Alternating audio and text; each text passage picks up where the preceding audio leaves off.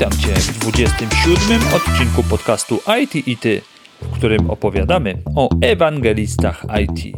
Po notatkę i linki zapraszam do opisu odcinka, jak również na stronę itity.pl łamane przez 27, gdzie dodatkowo znajdziesz transkrypcję.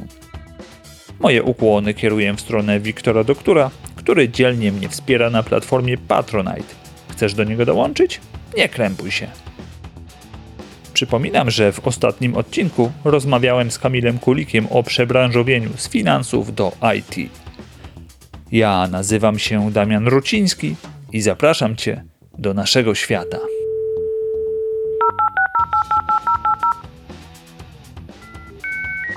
Czy zastanawialiście się kiedyś, jak stać się prawdziwym ambasadorem IT? Jakie wyzwania i możliwości niesie za sobą praca w tej dynamicznie rozwijającej się branży? Nasz gość, Radek Wojtysiak, to doświadczony programista, praktyk z wieloletnim doświadczeniem komercyjnym. Szkolenia, które prowadzi, nie tylko doskonalą umiejętności programistyczne, ale również uczą, jak budować swoją markę osobistą. Niezwykle cenny składnik w dzisiejszych czasach. Prywatnie największy fan swojej rodziny. Cześć Radku. Cześć, witaj. Tak jak wspomniałem w intro, mm, tematem naszym głównym dzisiaj będzie to mm, takie krążenie dookoła e, tematu programisty, menedżera, ale też e, z takim specjalnym mm, uwzględnieniem e, tej roli już takiej związanej właśnie z, bardziej z nauczaniem, z ewangelizacją, jest takie fajne słowo, tak? Ale zanim do tego, do tego przejdziemy, to proszę cię o to, abyś odpowiedział mi takie dwa pytania rozgrzewkowe. Pierwsze pytanie to jest to, czy słuchasz podcastów i jeśli tak, to jakbyś mógł podzielić się jakąś listą? Mhm, pewnie. E, słucham podcastów, oczywiście, że tak. E, moja lista jest naprawdę długa i muszę się niestety przyznać, że nie mam czasu na wszystkie, więc e, dobieram te podcasty bardzo rzetelnie, żeby każdą lukę tego mojego wolnego czasu mm, jakby zapełnić. Przede wszystkim powiem, że te podcasty muszą być dla mnie zróżnicowane. One dotyczą różnych tematów i co ciekawe, programowanie to jest ostatni temat, y, o którym gdzieś tam sobie słucham, y, ponieważ mam go za dużo, więc jeżeli mam coś polecić, to na pewno tutaj mm, top jeden to jest dla mnie Michał Szafrański i Więcej niż oszczędzanie pieniędzy. To jest fenomenalny podcast. Ja po prostu jeszcze przez niego nie przeszedłem, jestem chyba na 50 odcinku. Te odcinki są no, całkiem długie, bym powiedział, bo mają tam od 40 minut e, plus ale no dla mnie ten gość, to co on robi, to, to, to jest po prostu złoto. W ogóle tak jak um, moja percepcja zmieniła się, jeśli chodzi o finanse, o podejście do wielu spraw, o podejściu do, do, do pracy, właśnie dzięki temu podcastowi. Um, no ja nie sądziłem, że mogę aż tak się zmienić. Aha. A drugi, um, i tutaj uwaga, jest to e, podcast e, prowadzony przez e, Edytę Pazurę, z Cezarym Pazurą, czyli Kobieta z Pazurem, tak nazywa się ten podcast. Oni bardzo fajne rzeczy mówią, takie związane z życiem, z ich podejściem, z tym, jak oni postrzegają świat. Ja zresztą tego aktora też bardzo lubię. To, w jaki sposób on przede wszystkim gra na, na, na czy to na scenie, czy to, czy, czy, czy to tutaj na ekranach ale oprócz tego też jakby jego podejście e, do życia też mi bardzo odpowiada, więc to są takie dwa podcasty, które w ostatnim czasie um, gdzieś skradły moje serce.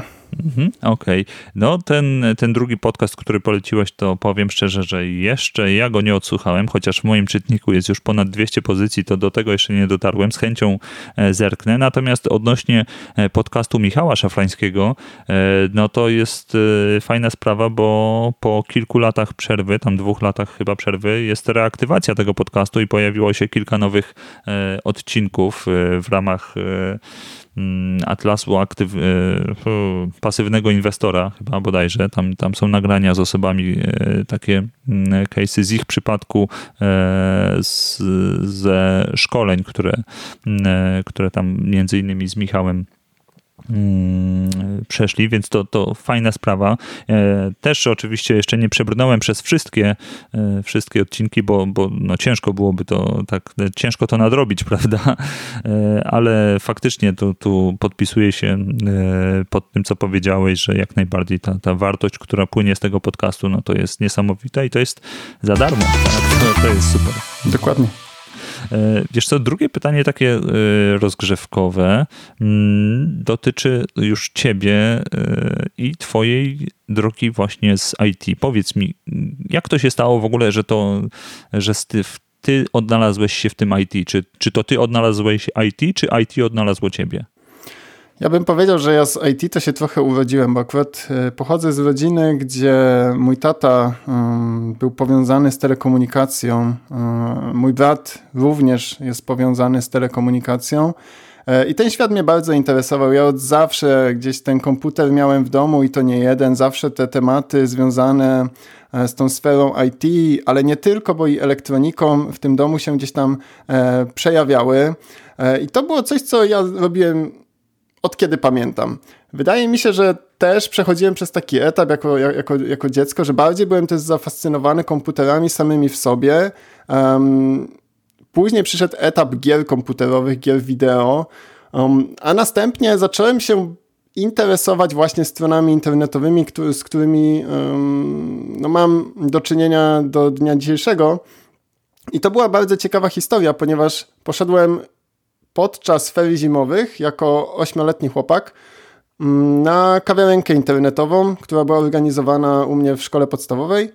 E, I tam były takie, takie zajęcia, gdzie mm, pan nauczyciel prowadził właśnie takie, takie bardzo podstawy z HTML-a. I to było coś niesamowitego, że ja jestem w stanie w bardzo łatwy sposób e, przelać jakąś informację, jakieś moje myśli do komputera. To było turbo łatwe, pamiętam. E, ja jeszcze jako dziecko nie rozumiałem o co chodzi z wdrożeniem takiej aplikacji. Po prostu miałem to na swoim e, lokalnym komputerze i uważałem, że już podbijam świat. I od tego się tak naprawdę zaczęło to zainteresowanie. Chociaż ta droga wcale nie była taka prosta, że tutaj poznałem, e, poznałem HTML-a i już tylko w tym siedziałem, bo gdy przyszły czasy studiów, to ja rozpoczynałem studia od technologii chemicznej. Ja w ogóle nie poszedłem na kierunki IT, bo wydawało mi się, że to nie jest, że, że to nie jest, no właśnie, ten kierunek, który ja chciałbym obrać, bo miałem obawy, czy na pewno um, tworzenie stronek internetowych przyniesie pieniądze, um, czy będzie to dla mnie wystarczające.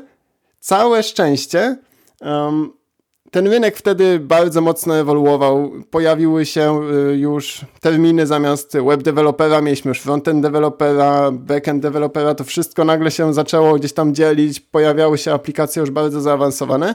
I tutaj, żeby, żeby tą całą historię dokończyć, ja będąc studentem technologii chemicznej poszedłem na takie spotkanie z firmą Techland y, wrocławską, która mówiła o tym, jak oni robią aplikacje internetowe, bo ludzie znają Techland od tej strony e, gier wideo, a oni, znaczy teraz nie jestem pewien, czy jeszcze, jeszcze ten oddział istnieje, ale mieli taki malutki oddział składający się z kilku osób, który nazywał się Techland Web-Based Solutions i napisałem do nich, ponieważ mieli to spotkanie, ja tam się bardzo gdzieś tam tym zainteresowałem, tym całym frontendem, bo akurat o nim mówili i napisałem do nich, tak po prostu, jak tylko wróciłem do domu, słuchajcie, jestem studentem, nie chcecie praktykanta, coś tam umiem, zrobię to za darmo. No i ku mojemu zaskoczeniu oni się na to zgodzili i no i tak się to zaczęło. Aha, okej. Okay. No wiesz, za darmo to, to uczciwa cena, prawda? Więc, tak jest. więc to mogło być faktycznie kartą przetargową tutaj. E, no to, e, czyli mm, tak, od dziecka, e, od dziecka trochę się otaczałeś tym, tą elektroniką, tymi komputerami. No a finalnie, pomimo tego, że, że no, nie chciałeś, to i tak zapukałeś do tych drzwi, tak? Tak można by to podsumować. Zdecydowanie tak. Myślę, że to jednak to IT trochę wybrało mnie i, i, i gdzieś tam e, wierząc w los oraz to, co jest nam pisane, no tak musiało być. Chociażby mhm. przez to, że, że tu miałem to spotkanie, tutaj e, e, Techland zgodził się na moje bezpłatne praktyki. Później dostałem się z kolei na studia informatyczne, więc no to były rzeczy, które wydawały mi się niemożliwe, no bo jeżeli ja miałem maturę zrobioną pod, e, pod no właśnie kierunki chemiczne, a tutaj mhm. udaje się wejść na informatykę, co prawda jako gdzieś tam jeden e, z końcowych osób na liście, ale się udało, no to to musi, musi znaczyć, że to jest gdzieś tam droga dla mnie. Aha, jasne. A jeszcze tak, tak dopytam, ta technologia chemiczna, to skończyłeś ten kierunek, czy, czy, czy nie? Nie, nie, ja po pół roku, może trochę Aha, więcej, stwierdziłem, okay. że to zupełnie nie jest to. Ja zdecydowanie wolałem bawić się w te, e, na tamten czas jeszcze fora dyskusyjne, jakieś tam mm -hmm. tworzenie tych, e, ty, ty, tych aplikacji, aniżeli siedzieć i przelewać z probówki do probówki jakieś tam substancje, więc y, zdecydowanie y, pamiętam, że poszedłem do mojego właśnie też taty i powiedziałem, wiesz co, ja tego nie robię i ja muszę, ja muszę być w tym, co ja znam, czyli Aha. poszedłem na informatykę. Okej, okay. różne, różne drogi prowadzą do IT. No, u mnie też nie było tak, że, że ta informatyka to był pierwszy kierunek, bo faktycznie pierwszym kierunkiem, na jaki poszedłem, to była mechatronika, budowa maszyn. E, potem był epizod krótki z e, wstąpieniem do zakonu, a później e, znowuż szczęśliwie los chciał, że otworzył się kierunek informatyka na Politechnice Świętokrzyskiej, na, na który to jako pierwszy rocznik poszedłem i no i udało mi się go szczęśliwie skończyć. Okej, okay, dobra, ale koniec już tych, tych takich wstępów, wywodów odnośnie nas, bo, bo tu mamy gruby, poważny temat do do przedyskutowania dzisiaj ewangelizacja w IT. E, jak byś tak pokrótce zdefiniował, co to jest ta ewangelizacja? Samą ewangelizacja w IT powiedziałbym, że to jest szerzenie wiedzy, dzielenie się tą wiedzą. Mm, gdy podałeś mi ten temat, ja bardzo się zastanawiałem, co to tak naprawdę znaczy, ponieważ nie chcę tutaj, żeby to zabrzmiało, że teraz my, mm, no właśnie programiści, którzy, którzy gdzieś tam są aktywni, chociażby na social mediach czy, czy gdziekolwiek indziej, e, którzy dzielą się tą wiedzą, to, że oni są mm, jedynym mm, źródłem prawdy, tak? Że oni, oni wiedzą wszystko i oni po to o tym mówią, ponieważ e, każdy powinien ich słuchać. Wydaje mi się, że ewangelizacja to jest przede wszystkim opowiadanie o, o takich prawdziwych sytuacjach, które mm, każdy z nas, każdy z właśnie z tych programistów e, doświadcza na co dzień. I to jest o tyle ważne, że mamy no właśnie, mamy tych programistów doświadczonych, to, to, to, to, jest ta jedna grupa, ale mamy też osoby, które dopiero wchodzą do branży. Mamy osoby, które się przebranżawiają i oni potrzebują, potrzebują osób, które w jakiś tam sposób pokażą im, czy kierunek, który oni obrali, czyli to, chociażby to przebranżowienie się, i w mojej ocenie to jest bardzo trudne, żeby, żeby tak wskoczyć sobie do IT bez e, lat przygotowań, tak, tak jak to chociażby było w moim przypadku, że ja to poznawałem naprawdę powolutku.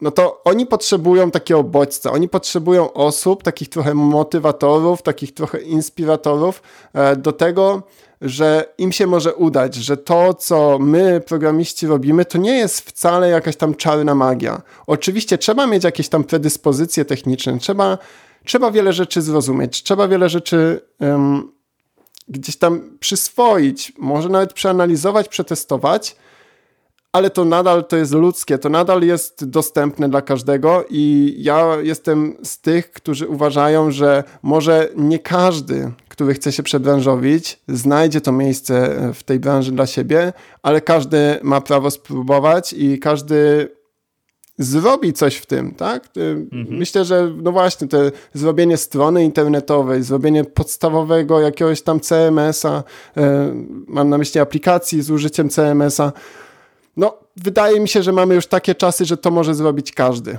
Niech każdy spróbuje, jeżeli ma, e, ma na to ochotę. No i właśnie ta ewangelizacja, no to to jest właśnie szerzenie informacji o tym, że to, co my robimy, jest po pierwsze ludzkie, jest to osiągalne, jeżeli nad tym będziemy pracowali i jeśli będziemy tego chcieli. No bo jeżeli ktoś nie ma predyspozycji, to prędzej czy później on sam lub ona sama stwierdzi, że sorry, ale to, to jednak nie jest dla mnie. Więc mhm. wystarczy naprawdę chcieć, a my, naszą, na, naszą tutaj rolą jest to, żeby, żeby te osoby zmotywować i zainspirować. Jasne.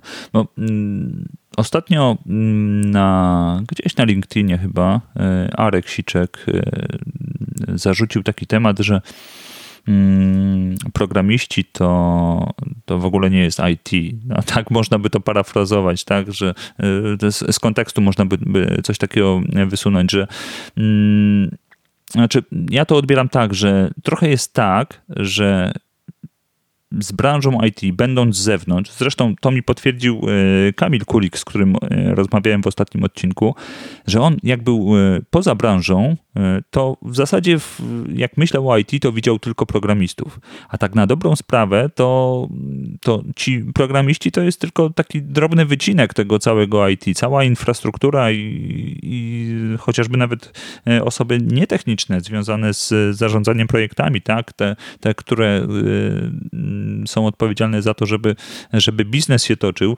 to wszystko też jest tym, tym IT. Czy mm, rozumiem, że ta ewangelizacja to jest też takie właśnie no, trochę odkrywanie kart i pokazywanie, y, no, czy tam tłumaczenie czym, czym to IT jest, z czego się składa i, i, że właśnie chyba też nie tylko z programistów, tak? Dobrze ja to rozumiem? E, oczywiście masz tutaj rację. Wydaje mi się, że to jest właśnie to, o czym powiedziałeś, że my, ci ewangeliści, jak to, jak, to, jak to nazwałeś, mhm. um, musimy pokazywać to, jaka ta branża jest naprawdę. Czyli my nie pokazujemy tak naprawdę kodu, który my tworzymy. Zostajmy przez chwilę przy tych programistach. Mhm. Tylko my pokazujemy, jak, w jaki sposób pracujemy, jak wygląda nasz dzień pracy, że tutaj mamy na przykład daily, że tutaj mamy jakieś spotkania.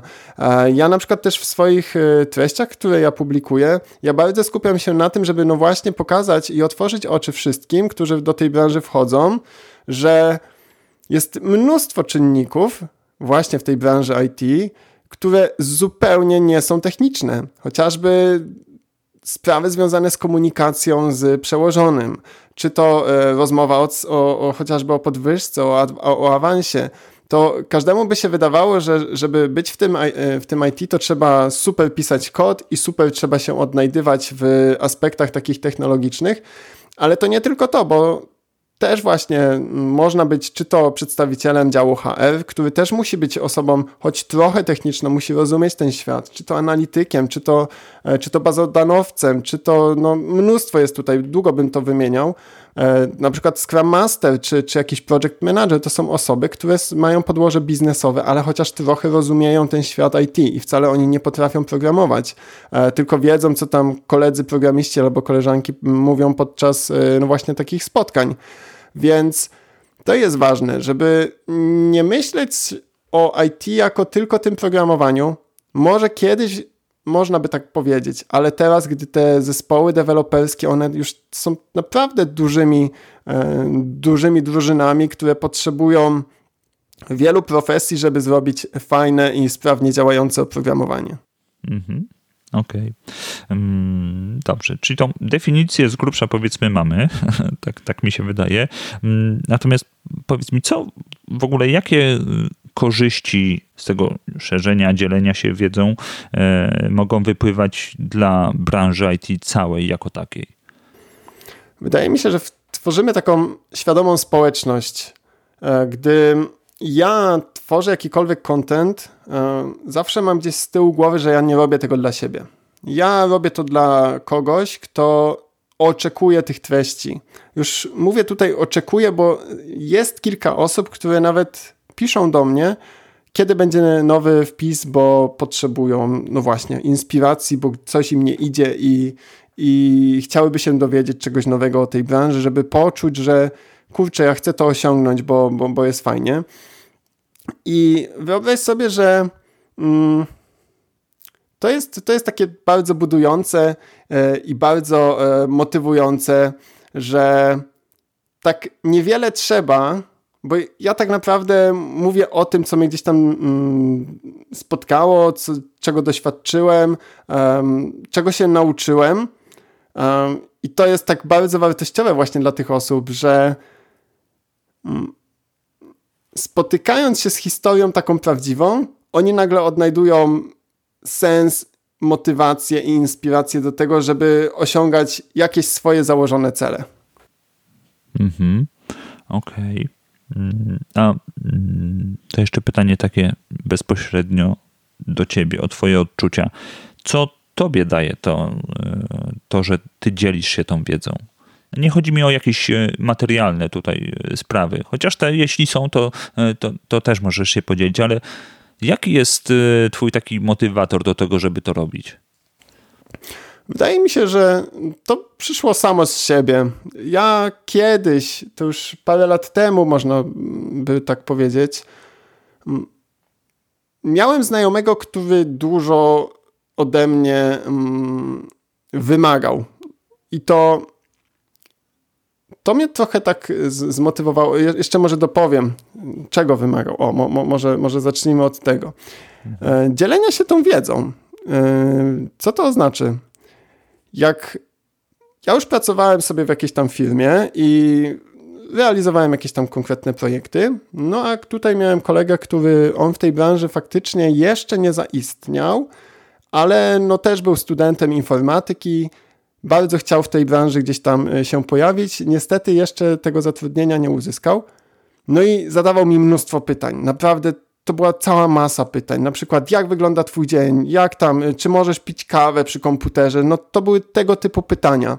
I to był już wtedy pierwszy taki sygnał, że kurczę, jeżeli to jest, jeżeli on, osoba, która nie jest z tej branży, jego interesuje, że ja e, mogę pić kawę przy komputerze, no to, to, to co to będzie, jeżeli ja naprawdę będę mówił o, o rzeczach, które ja robię, czyli nie wiem, mam, jak wygląda moje spotkanie takie biznesowe, albo moje spotkanie z zespołem technicznym, albo jak wygląda mm, proces wdrożeniowy lub tego typu tematy, no to to może być bardzo interesujące. Ja tak naprawdę mm, jestem w stanie spisać sobie taką kartkę z pamiętnika z danego dnia i się tym podzielić. I faktycznie bardzo szybko y, jakby zauważyłem, że tak jest, ponieważ też w firmie, w której wtedy pracowałem, był nacisk na zatrudnianie dużej ilości juniorów. No i to były osoby, które też bardzo tej wiedzy potrzebowały i bardzo tej wiedzy szukały. I tam było nawet, byłem, miałem taką sytuację, że kiedyś też, to też akurat dotyczyło aspektów e, związanych z kuchnią.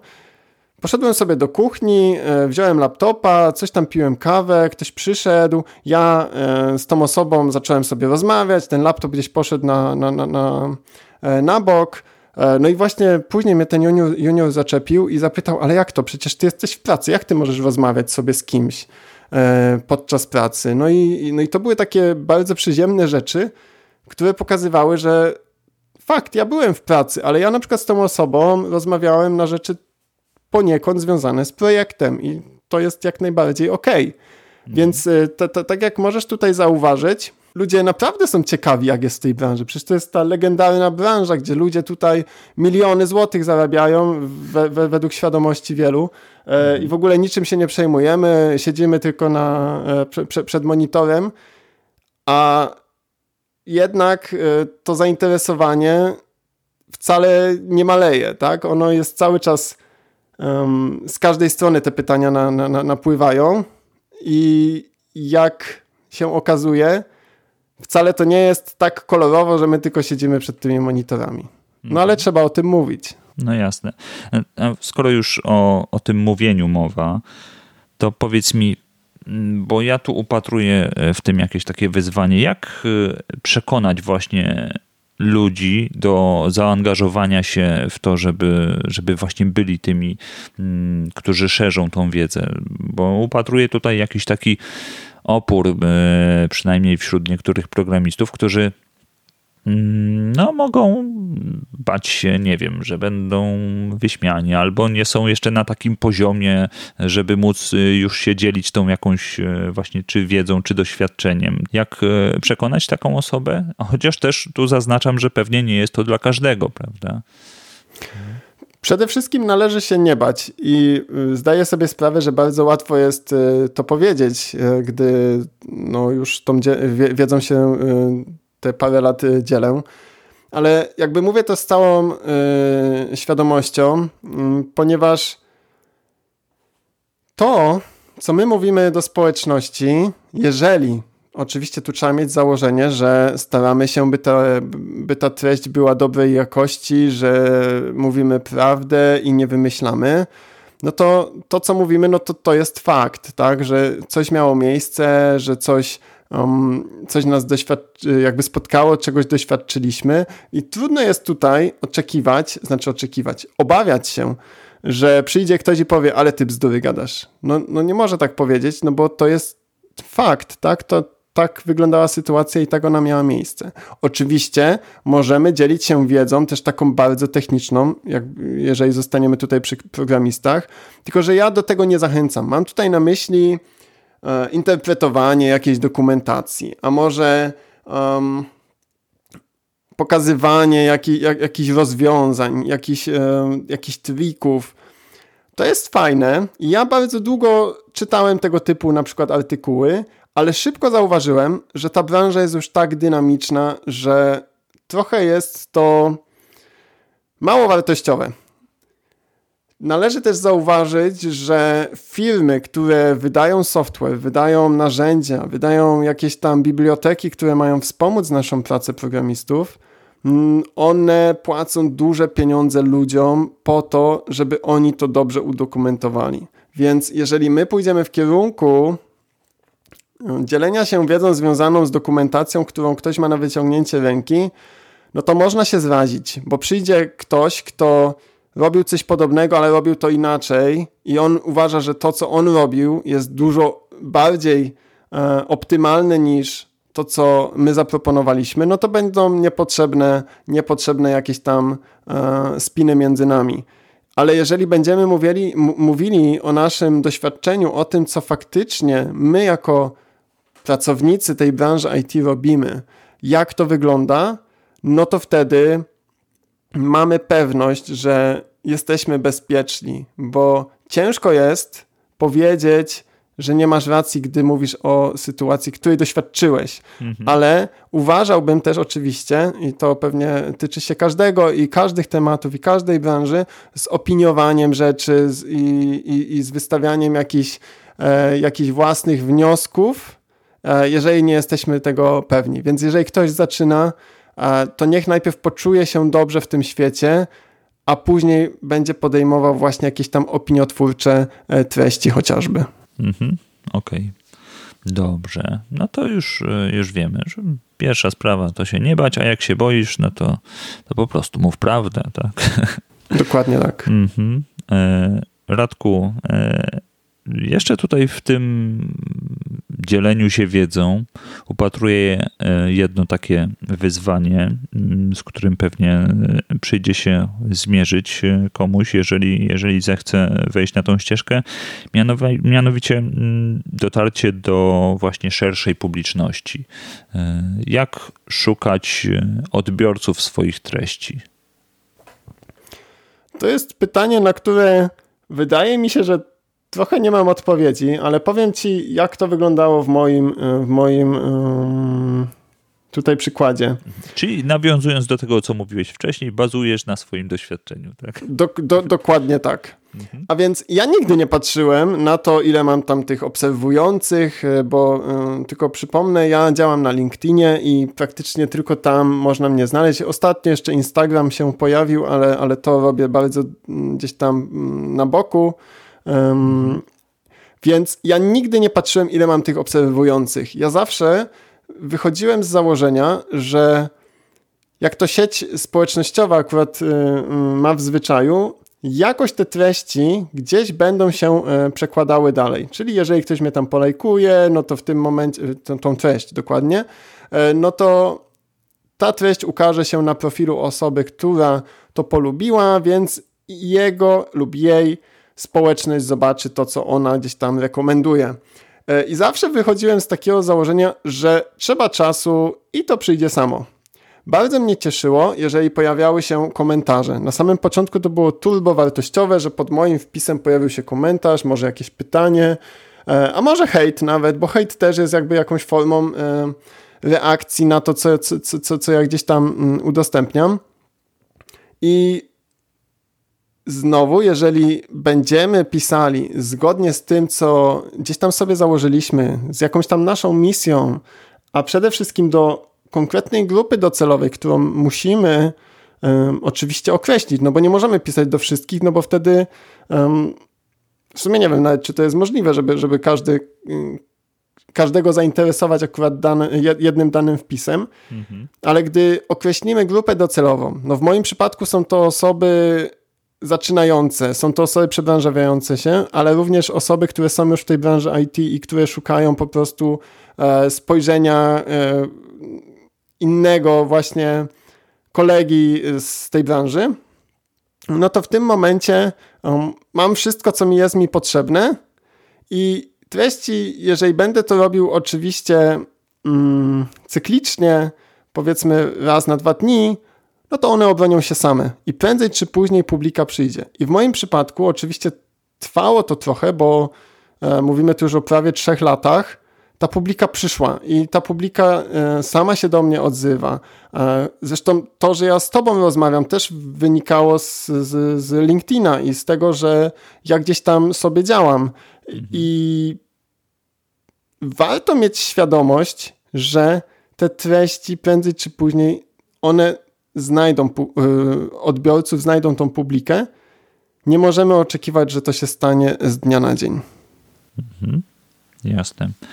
E, powiedz mi e, w takim układzie, e, jak dużo czasu ci to przygotowanie takich postów jeszcze mm, powiedzmy zajmuje? Bo to też e, to, że jest to e, rozłożone w czasie, to raz, na to trzeba poczekać, ale dwa, to zaangażowanie twoje. Jak dużo te, te, tego twojego czasu już, e, tak jak, czy jesteś w stanie to jakoś określić dziennie, ile czasu na to poświęcasz? Mhm, jasne, jasne.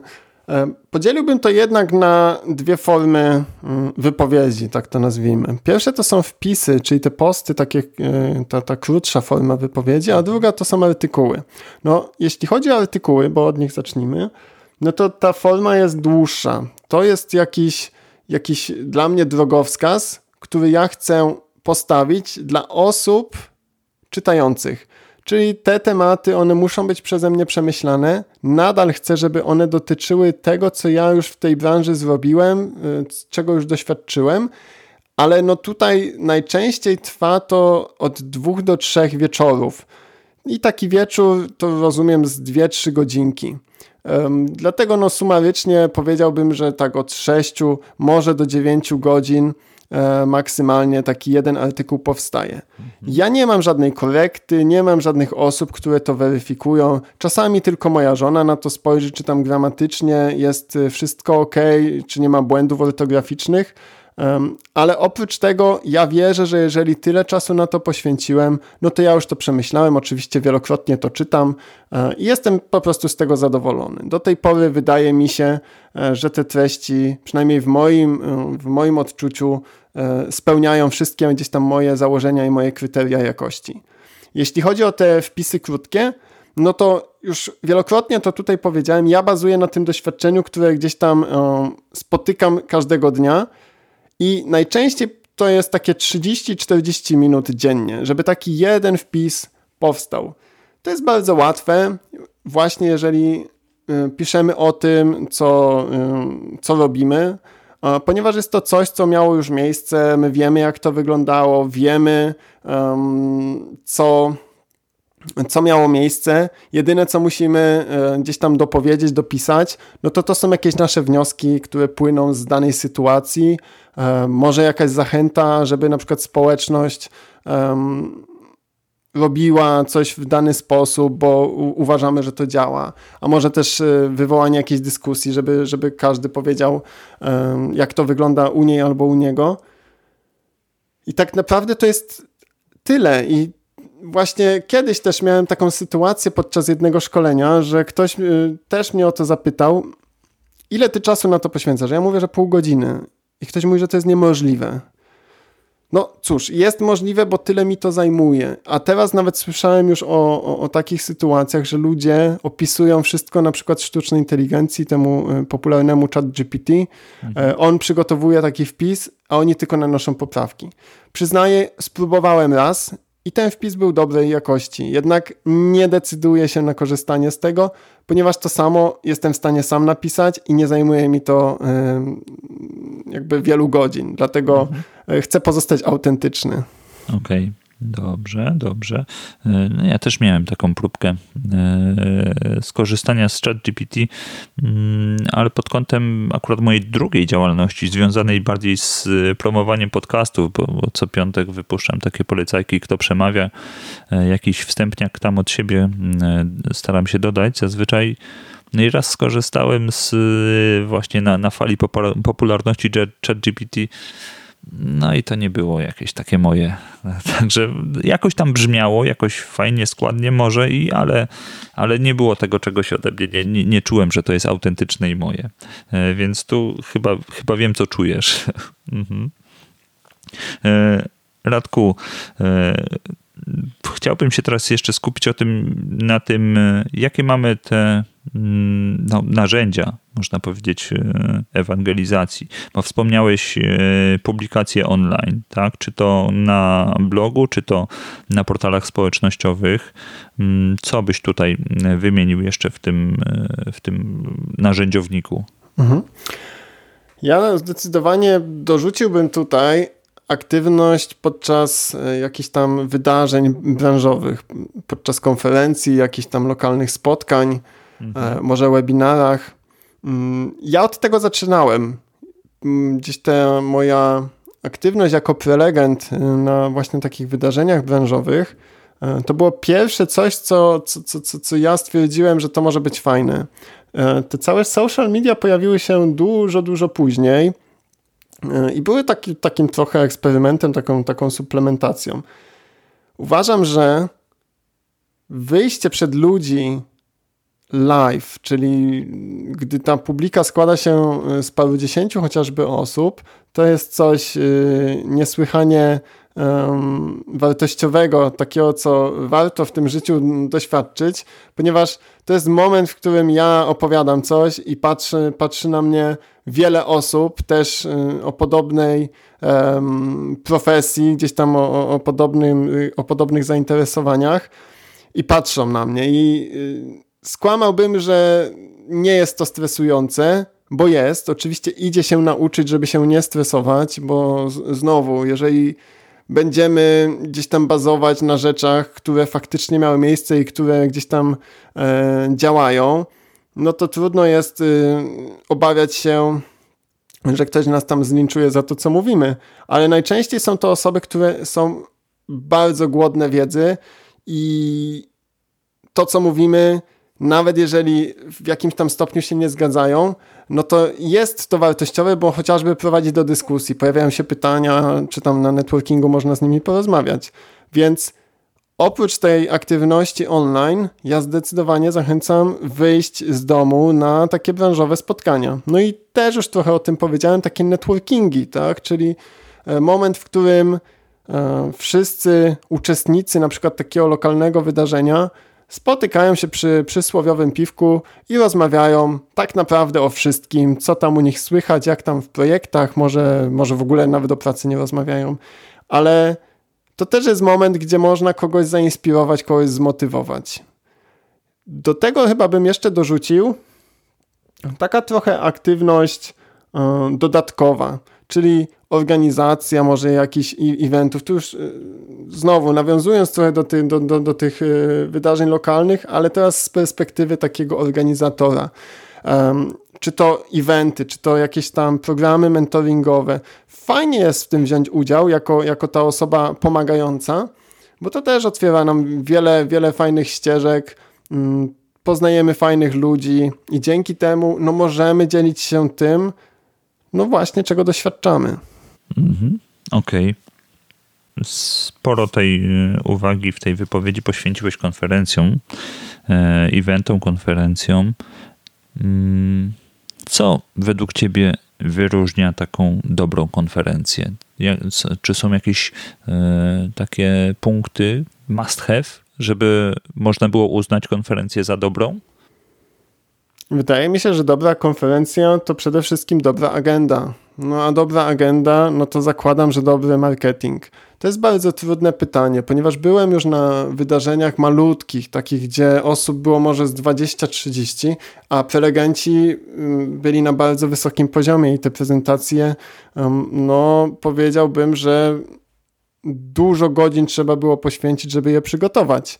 E, no i są też takie konferencje wielkie, napompowane hypem, gdzie no, te prezentacje są bardzo kiepskie, żeby, żeby być tutaj um, takim dokładnym w, w, określeniu ich. Mhm. Um, I niestety tak jest, że czasami wydajemy po paręset złotych tylko po to, żeby się rozczarować. Ale ja już nauczyłem się, żeby chodzić oczywiście na te, na, na, na te prezentacje, bo po to idziemy na taką konferencję, ale dla mnie kluczowy jest właśnie ten networking, tak? Jeżeli mamy z kim porozmawiać i jeżeli nie boimy się rozmawiać, ale tutaj znowu uczulam, że tego można się nauczyć, to poznajemy przede wszystkim wartościowe y, osoby, a także mamy możliwość na wymianę wiedzy. Więc odpowiadając trochę na Twoje y, pytanie, trudno jest sprecyzować, która konferencja jest dobra, a która jest zła. I też nawet chyba bym nie wychodził tutaj z jakąkolwiek rekomendacją, bo dla mnie coś może być fajne, a dla kogoś może to nie być fajne, więc niestety chyba trzeba zaryzykować. Mhm. Okej. Okay. Sprawdzić na własnej skórze, co nam, co nam siądzie, tak? Dokładnie. E, a która z tych metod wymienionych, czy to właśnie publikacje, webinary, konferencje, e, która tobie najbardziej leży? Co najbardziej lubisz? Czy, czy przy wymuskać jakiś artykuł, czy, czy raczej właśnie ten kontakt z, z publicznością? Wydaje mi się, że tworzenie online jest takie najbardziej dla mnie odpowiednie, ponieważ ja wtedy jestem w stanie zastanowić się nad tym, co ja tak naprawdę chcę powiedzieć. Gdy spotykam się z kimś chociażby właśnie nad, podczas takiego networkingu, no to jest rozmowa jak każda inna, taka na, na żywioł. Zdarza mi się, że próbuję coś przytoczyć, a ja na przykład nie pamiętam danej sytuacji i wtedy czuję frustrację, bo bardzo chciałem coś komuś powiedzieć, ale, ale gdzieś tam mi to wyleciało z głowy y, i to, i to mnie bardzo denerwuje zawsze. E, a w przypadku tych takich e, treści, które możemy sobie spisać i opublikować w dowolnym dla nas e, momencie, no to to jest o tyle fajne, że właśnie ja mogę się nad tym zastanowić. Mogę jeszcze zweryfikować, czy moja wiedza nie jest już zdeaktualizowana, bo wyszła jakaś nowa wersja, jakiejś tam, nie wiem, jak, jak, jakiejś tam technologii, a może jakiegoś podejścia, może już w ogóle czegoś się tak nie robi. Um, ale również to jest też przestrzeń, w których ludzie są bardziej śmiali. Więc jeżeli ja dodaję jakiś wpis, gdzie opowiadam o czymś i zadaję na przykład pytanie do publiczności, do tych odbiorców, co oni sądzą na ten temat, no to oni są e, dużo bardziej zdeterminowani, żeby, żeby, żeby mm, odpowiedzieć mi, aniżeli jak będąc na konferencji zadaję pytanie do publiczności, no to e, nawet jeżeli zadam je w formie, to teraz podnieście rękę, jeżeli ktoś uważa tak, a ktoś tak. No i też widzę, że niektórzy w ogóle nie podnoszą, nie? czyli taki mhm. brak odpowiedzi też jest bardzo frustrujący, bo, bo, bo tak naprawdę nie robię nikomu nic złego, ja tylko proszę o podniesienie ręki, jeżeli ktoś uważa mm, mm, albo tak, albo nie. Dlatego ta, ta działalność online jest taka, jest taka swojska, bym powiedział, że można oczekiwać, że społeczność odpowie, można oczekiwać, że społeczność utożsami się ze mną i będzie chciała ze mną rozmawiać, ze mną jako człowiekiem e, i jeżeli nie mam racji, to też mi o tym powie, jeżeli mam rację, no to e, dorzuci coś od siebie. No i to jest wtedy taki pełny, pełny przekaz tej informacji. Mhm. Okej. Okay. Mm. Powiedz mi, jak e, tak patrzysz, e, może wybiegasz w przyszłość, e, to jaka będzie rola ewangelizatorów e, IT w przyszłości? Już tak, tak pytam mm, trochę patrząc na, na to, co się dzieje, na, na to właśnie AI, które wkracza coraz mocniej, na trendy związane z no-code, low-code, czy, czy te sfery też będą wymagać tego, e, tego właśnie mm, wsparcia w postaci ewangelizatorów, czy, czy to można traktować jako w ogóle całościowe przybliżanie branży? No mam nadzieję, że branża nie będzie tylko bazowała na sztucznej inteligencji. Też tak się składa, że akurat w pracy y, analizujemy pewne aspekty związane z wykorzystaniem sztucznej inteligencji przy automatyzacji pracy chociażby programistów, ale nie tylko. No i na ten moment wnioski no wcale nie są takie, takie pozytywne, jakby się wydawało, bo okazuje się, że sztuczna inteligencja bardzo dużo kłamie. Sztuczna inteligencja bazuje na jakichś rzeczach często starych. Nawet, nawet jeżeli wersję y, określamy danego narzędzia dokładnie, to, to, to nie zawsze to się zgadza. Więc wydaje mi się, że jest to fajne, ale tylko na ten moment y, w, w zadawaniu takich pytań Oczywiście nie chcę tutaj y, mówić, że nie korzystajcie z tego, bo, bo, bo jest to złe. Oczywiście to jest fajne, ale w takich profesjonalnych rozwiązaniach, gdzie mamy specjalistę, który ma wiedzę, którą w teorii ten, ta, ta cała sztuczna inteligencja powinna um, jakby zastąpić, no bo dużo osób mówi, że zaraz będziemy zastąpieni, no to wcale nie jest tak, że um, że jest tak kolorowo, jak, no jak właśnie te wszystkie osoby mówią. I już mówię dlaczego. No bo przecież, jeżeli ja zapytam sztuczną inteligencję, w jaki sposób, załóżmy, zrealizować funkcjonalność logowania na stronie internetowej, a nie mam doświadczenia, ja po prostu bazuję na tej sztucznej inteligencji, to ja nie mam zielonego pojęcia, czy po pierwsze, to co ona daje jest najbardziej optymalne, czy nie, czy nie jest to e, schowane za jakimiś prawami autorskimi? Przede wszystkim, czy to, w jaki sposób um, ta sztuczna inteligencja to zrealizowała, spełnia jakieś tam kryteria, czy tam jakieś założenia zespołu deweloperskiego, w którym ja pracuję. Ja, nie mając doświadczenia, ja nie mam pojęcia tak naprawdę, nie jestem w stanie zweryfikować jakości tego, co ta sztuczna inteligencja mi daje. Pomijam już aspekty związane z tym, jak chcę, żeby sztuczna inteligencja rozwiązała jakiś błąd, który ja um, gdzieś tam napotkałem. No bo teraz, jeżeli ja mam jakąś żyjącą aplikację, która składa się z setek linijek kodu, z wielu klas, funkcji i innych rzeczy, to teraz, żeby dać kontekst tej sztucznej inteligencji, to ja musiałbym wiele z tego jej przekazać, tak? A też oczywiście należy pamiętać o aspektach prawnych, że my, programiści, którzy realizujemy właśnie jakieś oprogramowanie dla klienta, no to my nie jesteśmy właścicielami um, tych y, praw majątkowych i na przykład klient może zupełnie sobie nie życzyć tego, żeby jego kod, nawet jedna linijka przeszła przez taką sztuczną inteligencję. I ja wiem, że programiści już z tego korzystają i tak robią, że biorą fragment jakiegoś tam kodu, wklejają i oczekują analizy, ale no, te aspekty prawne nadal są bardzo śliskie.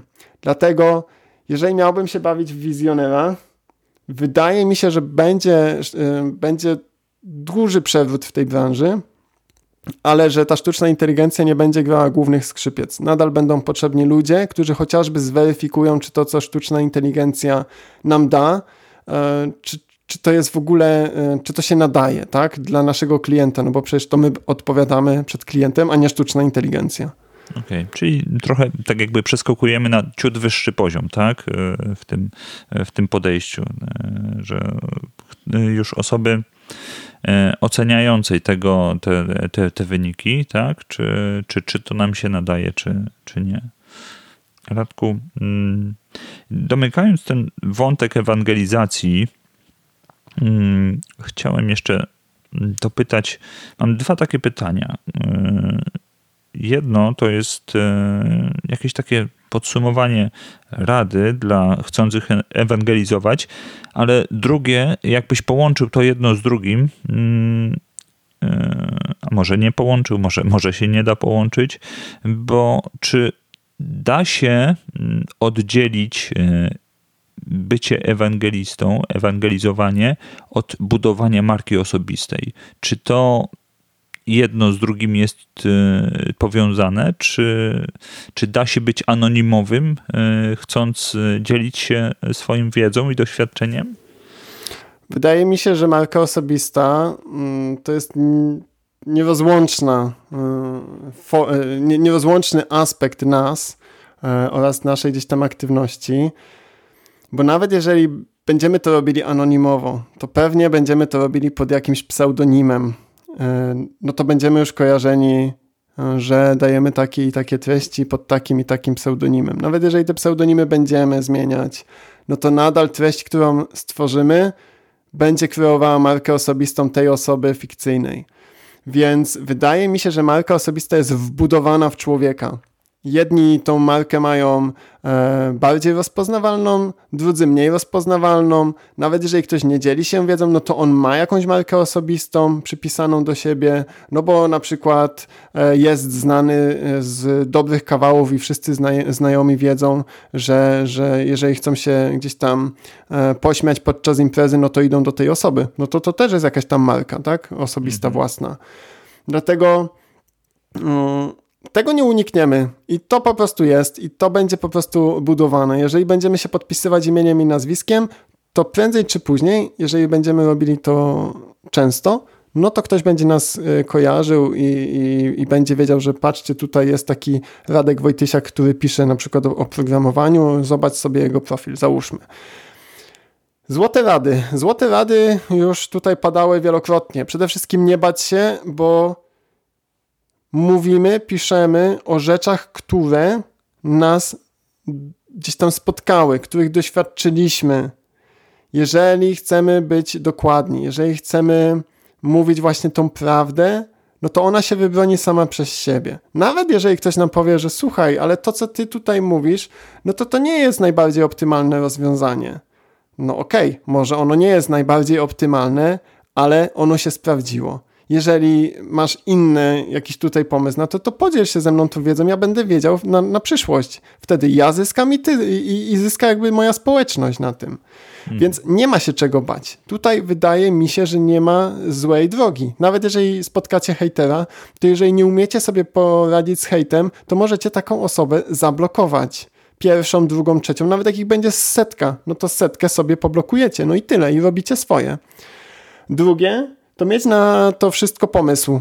E, nie starajcie się pisać o wszystkim. Starajcie się pisać o czymś, co w waszej ocenie może mieć wartość dla innych, no bo jedną prostą rzeczą możecie zmienić czyjeś życie nawet, nie? Czyli ktoś chce się przebranżowić, ale, ale bał się zrobić tego kroku, a dzięki naszemu y, jakiemuś tam wpisowi y, okazuje się, że, ta, że ten pierwszy krok y, ta osoba postawiła, nagle się okazało, że to super, wszystko się spina, chwilę później patrzymy, ta osoba dostaje pierwszą pracę. I to w sumie trochę dzięki nam.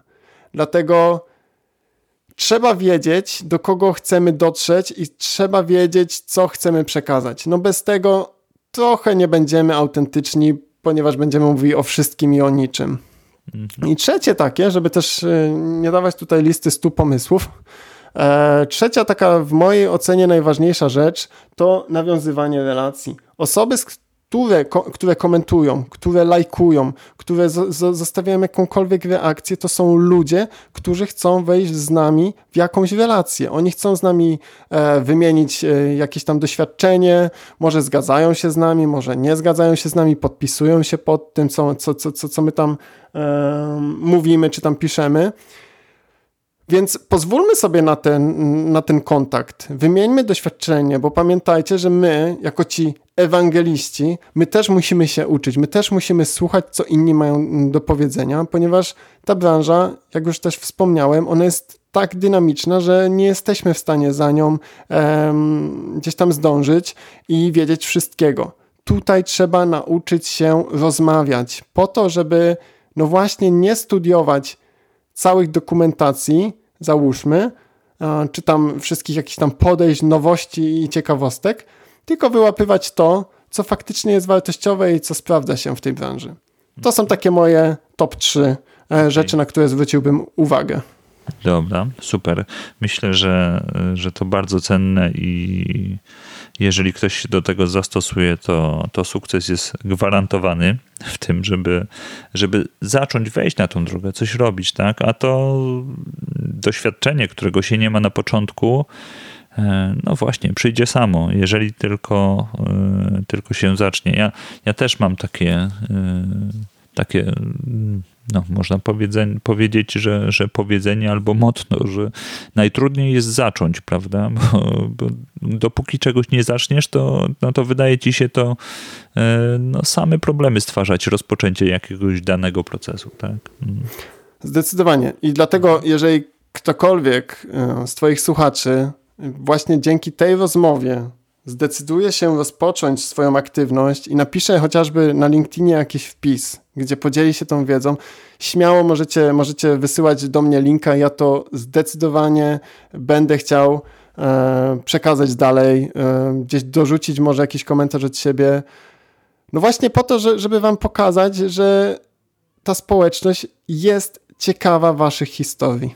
Okej. Okay społeczność. To jest te, chyba ten, ten klucz taki, e, który zamyka nam tą całą mm, rozmowę o, ewangelizacji, bo ta społeczność IT, no to właśnie y, rodzi się, czy to dookoła tych wpisów online, które są, dookoła webinarów, dookoła e, konferencji, czy też społeczność masz taką, taką najbliższą w swojej pracy, tak? E, tą, tą, z, z tymi ludźmi, z którymi pracujesz, z którymi po pracy wychodzisz na to, o, czym wspominałeś, przysłowiowe piwo i też mm, no, często, gęsto pewnie rozmawiacie o, no, tych tematach technicznych, tak. Mm. Chciałem Cię dopytać e, o jeszcze jeden wątek e, niezwiązany z e, tą ewangelizacją, ale tak. Mm, wszedłeś do branży E, jako e, darmowy stażysta, można powiedzieć. E, potem mm, zostałeś programistą, już płatnym, tak, opłacanym. Finalnie na chwilę obecną jesteś menedżerem. Nie wiem, czy jeszcze programowanie się tam pojawia w Twoim życiu, czy, czy nie, ale mm, jakbyś widział tą e, ewolucję siebie i swoich umiejętności na przestrzeni tej, e, tej całej swojej ścieżki? Czy coś, e, któreś z Twoich umiejętności były Ci bardziej potrzebne jako właśnie programiście, a jakie bardziej Ci się przydają w roli menedżera? Mhm. Wiesz co, wydaje mi się, że ja miałem jakieś tam umiejętności techniczne, mówię jakieś tam, bo to trzeba było lat, żeby, żeby dojść do, do, do jakiejś tutaj konkretnej wiedzy. Ale ja byłem takim mocnym introwertykiem, który najlepiej to tam słuchawki na uszy i robić swoje, jeśli chodzi o programowanie. Ale ta branża pozwoliła mi rozwinąć skrzydła, jeśli chodzi o umiejętności miękkie. Ja nauczyłem się rozmawiać z ludźmi, ja nauczyłem się spotykać z ludźmi na spotkaniach e, tych e, wewnętrznych, filmowych. Ja nauczyłem się tak naprawdę zadawać pytania, występować właśnie na tych konferencjach, przelewać myśli jako, um, jako ten ekspert za pośrednictwem e, mediów społecznościowych to wszystko tak naprawdę wyszło przy okazji tego programowania, bo ja cały czas jednak realizowałem swoje zadania, ja cały czas jednak byłem tym aktywnym programistą. Mówię byłem, bo teraz faktycznie jako menadżer już e, raczej skupiam się na rozwijaniu innych, aniżeli na mm, takim twardym programowaniu po o, tam 6-8 godzin dziennie, chociaż nadal programuję trochę po godzinach. No to Należy tutaj mieć na uwadze, że to programowanie oczywiście jest istotne, mm, ale także wszelkie jakieś tam umiejętności e, te, te techniczne, mm, no bo na nich bazujemy, żeby, żeby robić swoją pracę mm, jak najlepiej potrafimy, ale te umiejętności miękkie w tej branży nie uciekniemy od nich. Jeżeli będziemy tylko tym przysłowiowym klepaczem, no to albo się znudzimy, bo wierzcie mi czy nie, temat ma, e, wypalenia zawodowego jest teraz bardzo popularny. Właśnie COVID, gdy, gdy się pojawił e, i zamknęliśmy się w domach i mamy pracę zdalną, w wielu przypadkach pokazał, że jednak to wychodzenie z domu było nam potrzebne, żeby, żeby funkcjonować i mieć taki, taki zen e, do pracy. No to to nam pokazało, że te umiejętności miękkie no, są po prostu kluczowe. Dlatego mhm. wydaje mi się, że w tej branży, żeby ta ścieżka kariery miała sens i żeby ona była poukładana, żebyśmy czuli satysfakcję z osiągania kolejnych to umiejętności, kolejnych to stanowisk, czy to kolejnych mm, jakichś tam osiągnięć, no to przede wszystkim musimy, musimy zadbać o rozwój nie tylko tych umiejętności e, technicznych, a przede wszystkim nie iść na skróty. E, jeżeli komuś się wydaje, że, że całą taką ścieżkę przejdzie w dwa lata, no to może w jakiejś firmie się to uda, bo, bo akurat tak będzie. Ale no, na to trzeba czasu. I to, że ktoś przeskakuje z juniora na seniora w trzy lata, no to przeskakuje. Czy to oznacza, że, że jest super doświadczoną y, osobą, którą można porównać z programistą, który ma, nie wiem, 15-20 lat doświadczenia? No pewnie nie nawet jeżeli ona jest dobra w tym jednym konkretnym um, gdzieś tam e, fragmencie, fragmencie tej branży. Dlatego nie spieszyć się, podchodzić do tego e, z rozsądkiem, no i na pewno to wszystko się e, powinno udać. Powiedz mi, czy bazując na, na tym, co powiedzieliśmy, E, w zasadzie co ty powiedziałeś, czy e, masz jeszcze jakieś materiały uzupełniające, do których chciałbyś odesłać? E, czy coś nie zostało jeszcze tutaj powiedziane, nie wybrzmiało, albo coś chciałbyś, żeby było uzupełnione przez, nie wiem, jakąś książkę, czy podcast, czy blog? Hmm? Wydaje mi się, że ta, tak na szybko konkretnej pozycji ci nie wskażę. Ja zachęcam wszystkich, żeby stać się częścią tej społeczności i wielokrotnie o tym e, już e, mówiłem w wielu miejscach. Ten LinkedIn jest super miejscem, bo tam są osoby, które właśnie tak jak i ja chcą dzielić się tą wiedzą, więc zacząłbym od tego, żeby się tam pojawić, e, nawiązywać jakieś nowe kontakty, relacje, być aktywnym w tych wpisach i zauważycie, że tam jest mnóstwo inspiracji, motywacji. Ostatnio książkę, którą czytałem, um, nazywała się Work Rules i um, niestety nie pamiętam, kto, kto ją napisał. Chyba Lash Lobak, jeżeli się nie mylę, ale to pozwolę, pozwolę sobie tobie, Damian, e, dokładnie mm -hmm. przesłać. E, I ta książka opowiadała e, o tym, w jaki sposób Google rekrutuje, jakie ma podejście do człowieka. I to w ogóle była super, super wiedza właśnie, żeby zrozumieć, że ten programista to też człowiek i dlatego oni na przykład pozwalają swoim pracownikom robić jakieś tam drzemki e, tylko po to, żeby on się czuł dobrze, żeby swoją, swoją pracę wykonywał e, jak najefektywniej się da. E, I to tak otworzyło oczy, że w sumie to nie powinno być tylko w IT, tak? To w każdej branży tak, takie podejście do człowieka powinno być. Oczywiście łatwo jest mi to powiedzieć i pewnie jest to dużo trudniej zrealizować, ale no chciałbym, chciałbym wierzyć, że ten świat może być gdzieś tam równy i, i w każdej branży takie udogodnienia i takie możliwości um, mogłyby się pojawić. Więc ja odsyłam do LinkedIna, bo to jest moje miejsce e, tej ewangelizacji. Ja stamtąd czerpię wiedzę, tam, tam tą wiedzą się dzielę e, i dlatego zachęcam każdego, żeby tam szukał tych inspiracji, artykułów, motywacji e, i, i też mnie można tam znaleźć. Ja, ja, ja, też chętnie, chętnie, chętnie z wami porozmawiam i jeżeli będziecie mieli konkretnie jakiś temat związany z tą branżą, no to wtedy myślę, że jakieś już konkretne, czy to artykuły, czy to pozycje, z którymi warto się e, gdzieś tam zaznajomić, e, podam. Okej, okay, dobrze. Radku, bycie programistą to, to jedna rzecz, bycie, bycie menedżerem jedna rzecz, ale mamy też jeszcze oprócz tego swoje e, życie e, prywatne e, i każdy z nas ma jakieś zajawki, jakieś pasje. Jakie są twoje pasje spoza IT? No, w ostatnim czasie dużo czasu poświęcam na ogród i, i prowadzenie tego ogrodu, czy to wyrywanie przysłowiowych chwastów, czy sadzenie nowych roślin pilnowanie trawnika, e, to mnie, to mnie mocno gdzieś tam pochłania.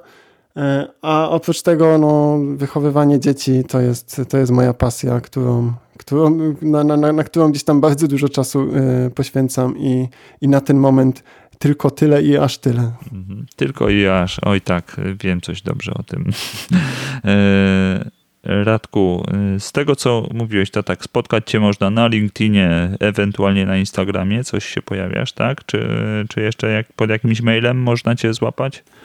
E, można pisać na radek.wojtysiak.info i chyba tyle. Mhm, Okej. E, Radku, dziękuję Ci bardzo za to, że przyjąłeś zaproszenie, że podzieliłeś się swoją wiedzą, ale i doświadczeniem, no bo jak usłyszeliśmy, to najlepiej jest ewangelizować na bazie własnego doświadczenia e, i że, że byłeś tutaj z nami. Mm, A na koniec e, jeszcze mam do ciebie taką prośbę, abyś e, podzielił się też z nami mm, no, jakimś sucharem albo anegdotą właśnie taką z życia e, w IT. Oh my god. E, anegdota z życia IT. Mm, Jeżeli wam się wydaje, że programiści pracują 8 godzin dziennie, to jesteście w błędzie, bo pracują tak po 6. I to jest taki mój suchar, który wielu osobom otwiera oczy. E, Akurat kawałów nie znam, więc, więc z, z, zostawię coś takiego. E, Okej. Więc warto pracować, bo, bo, bo, bo e, akurat 8 godzin wtedy nie trzeba siedzieć, tylko robić też rzeczy różne związane z pracą, ale niekoniecznie z programowaniem. Mhm. Okej, dobra. Dzięki Radku. Wszystkiego dobrego. Dziękuję bardzo. Wszystkiego dobrego. Dziękuję za Twoją obecność z nami przez cały odcinek. Mam nadzieję, że bierzesz coś dla siebie, a jeśli tak jest, o czym jestem niemalże przekonany, to lepiej zapisz to teraz. Wiesz, tak na wszelki wypadek, żeby nie umknęło. Na pewno warto śledzić poczynania Radka i innych osób, które dzielą się swoim doświadczeniem w sieci i szukać swojej własnej drogi, by do nich dołączyć. A teraz krótkie ogłoszenie. Słyszeliście o akcji Podaj dalej programowanie, w ramach której Marcin Moskała rozdaje książki Python od podstaw? Tak się składa, że zostało mi kilka książek do przekazania. Jak chcesz jedną z nich, no to wiesz, gdzie mnie szukać. Jeśli spodobał Ci się ten odcinek i uważasz, że może być dla kogoś przydatny, to oczywiście nie krępuj się i podziel się nim. No, oczywiście, subskrypcja i ocena podcastu też jest mile widziana. Ja nazywam się Damian Ruciński i przypominam Ci, że dzielenie się wiedzą jest fajne. Do usłyszenia. Pa pa!